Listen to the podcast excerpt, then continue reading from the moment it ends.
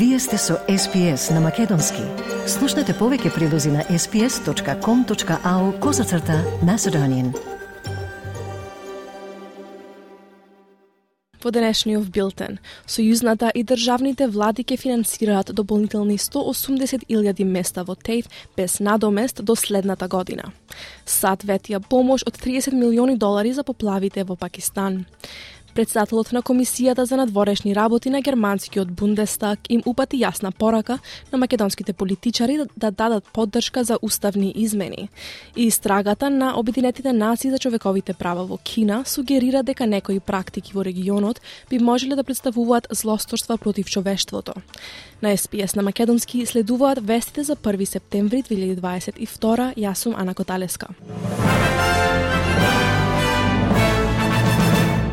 Државните и сојузните влади ќе финансираат дополнителни 180.000 места на ТЕФ до следната година во обид да се намали недостигот на работници во Австралија. Премиерот Антони Албанезе го најави пакетот од своето воведно обраќање на првиот ден од владиниот национален самит за работни места и вештини. Господин Албанезе вели дека пакетот од 1,1 милиарди долари бил договорен во националниот кабинет вчера. Тој вели дека би сакал пакетот да биде само почетокот на напредокот што ќе биде постигнат во текот на самитот. In recognition of the urgent challenges facing our nation, we are taking action now with a billion dollar training blitz driven by public TAFE. We want to see more Australians gaining the skills they need to find good jobs in areas of national priority. And I want this to be the beginning not the end of the progress that we see on skills and training over the next two days. Во меѓувреме, Австралискиот совет на синдикати и Деловниот совет на Австралија во заедничка изјава повикаа да се зголемат бенефициите за платеното родителско отсуство од 18 на 26 недели. Сојузниот благајник Джим Чамес ги отфрли тврдењата дека синдикатите ќе доминираат на денешниот самит за работни места и вештини. На состаноците во Канбера учествуваат представници од бизниси, синдикати, владата и групи од заедницата. Опозицијата вели дека синдикалната застапеност ќе доминира на другите засегнати страни, но господин Чалмерс вели дека тоа не е точно. There's more representatives of employers and business than there are of unions. Putting together an invitation list like this uh, is not the easiest task that we've ever undertaken, and it's a difficult balance to strike. And the heartening thing is that in a country like ours, there are hundreds, if not thousands, of people with a legitimate claim to be there. And I have fielded more calls in the last two or three weeks and text messages than probably uh, at any other time. And that's because people are clamouring to be part of this. And that's a good thing. It's better than the alternative. Австралиското медицинско здружение бара јавно да се објават советите што националниот кабинет ги користеше за да ги релаксира правилата за изолација на коронавирусот. Националниот кабинет се согласи да го намали периодот на изолација на COVID од 7 на 5 дена за лицата кои немаат симптоми, што ќе стапи на сила од 9 септември. Но Австралиското медицинско здружение ја доведе во прашање основата на одлуката, велики дека според промената на правилата, дури една третина од луѓето се уште ќе бидат заразни кога повторно ќе влезат во заедницата. Министерката за здравство на Викторија, Мариан Томес, одби да коментира какви совети добила за периодот на изолација од државните службеници за јавно здравје. Uh, well, once again, I talk with the public health team regularly and uh, consider uh, continue to receive advice from them, and I'll uh, consider the obligations that I have uh, in relation to the decisions that have been taken by National Cabinet. Премиерот на Ижен Велс вели дека Австралија треба да го разгледа здравствениот пристап кон COVID-19. Доминик Перетеј верува дека е потребна промена на системот според која поединците би процениле дали се чувствуваат доволно добро за да присуствуваат на работа. Тоа следи по одлуката на Националниот кабинет да го намали периодот на изолација на коронавирусот од 7 на 5 дена. Господин Перетеј за ABC рече дека нацијата повеќе не треба да се подпира на наредбите за јавно здравје. We need to move to um, to to a, to a place where if you're sick, you stay at home, and if you're not sick, you go to work, and that we respect each other. Um, and that's the cultural change where we need to get to, rather than um, having mandates in place. Медицинските сестри и акушерките од Нофижен Велс се подготвуваат да ја напуштат работата за 24 часа, барајќи гаранции за бројот на персонал, советување дека се уште ќе се одржува основната нега во државата. Дружението на медицински сестри и акушерки на Нофижен Велс бара една медицинска сестра за секои 4 пациенти, што ќе осигура дека пациентите кои добиваат невисокото ниво на нега и ќе обезбеди здравствениот систем да не е претерано оптоварен. Генералниот секретар на синдикатот Шей Кандиш вели дека денешниот штрајк, кој е трет оваа година, е доказ дека владата не ги слуша преоптоварените здравствени работници во секторот кој се уште се опоравува од пандемијата. Индустриската акција ќе се одвива во повеќе од 60 болници и ќе вклучува илјадници медицински сестри. Председателот на Комисијата за надворешни работи на германскиот Бундестаг Михаел Рот вчера престојуваше во македонскиот главен град Скопје.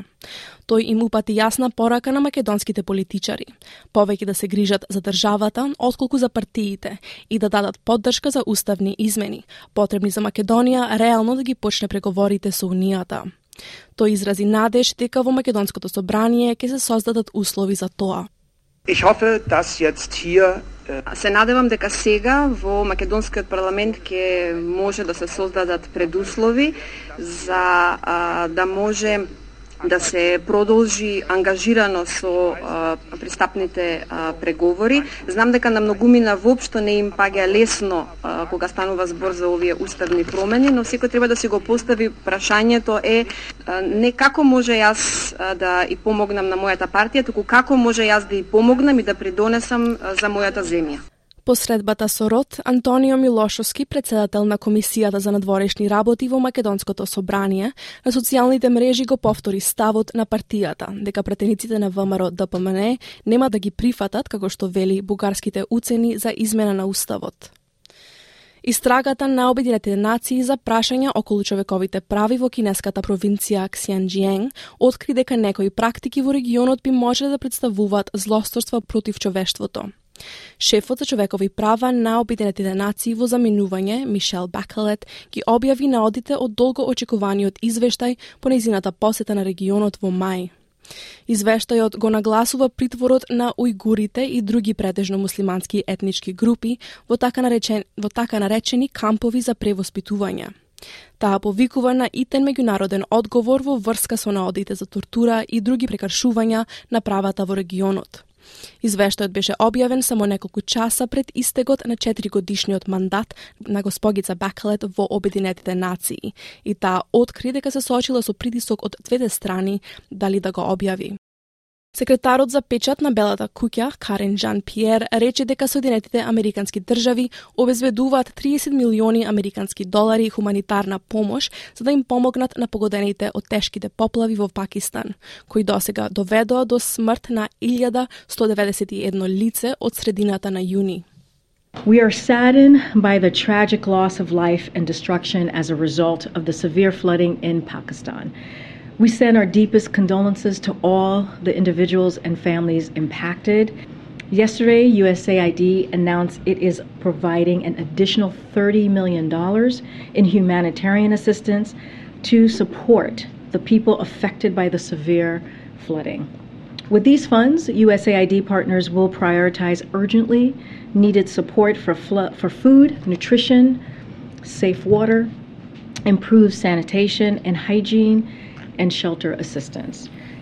Официјални лица во Пакистан изразуваат загриженост за ширењето на болести кои се пренесуваат преку водата за пиење меѓу илјадниците жртви на поплавите, додека водите од силните монсунски дождови почна да се намалуваат во многу делови на земјата. Портпаролот на Советот за национална безбедност на Белата куќа, Џон Кирби, го опиша запирањето на протокот на природен газ на Русија преку главниот гасовод до Европа како дополнителен доказ дека земјата го користи гасот како оружје. We've seen uh, press reports um, about the Russians uh, shutting down Nord Stream 1, again, this time claiming maintenance issues.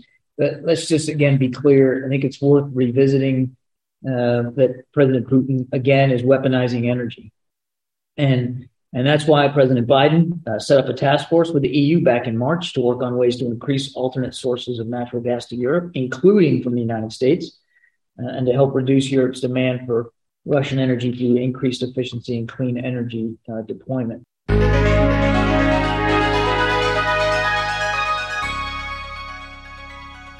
Од најновата курсна листа денеска еден австралиски долар се менува за 0,68 евра, 0,68 американски долари и 41,85 македонски денари, додека еден американски долар се менува за 60,74 македонски денари, а едно евро за 60,82 македонски денари и на кратко временската прогноза за главните градови за утре, петок 2 септември.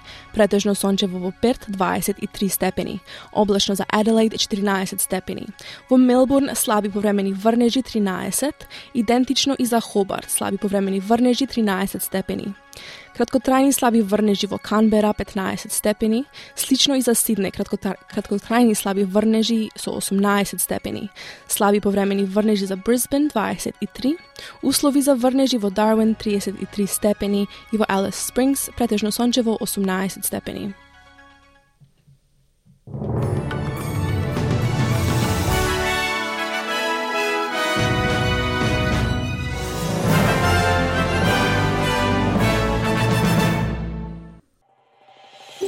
Сакате ли да чуете повеќе прилози како овој?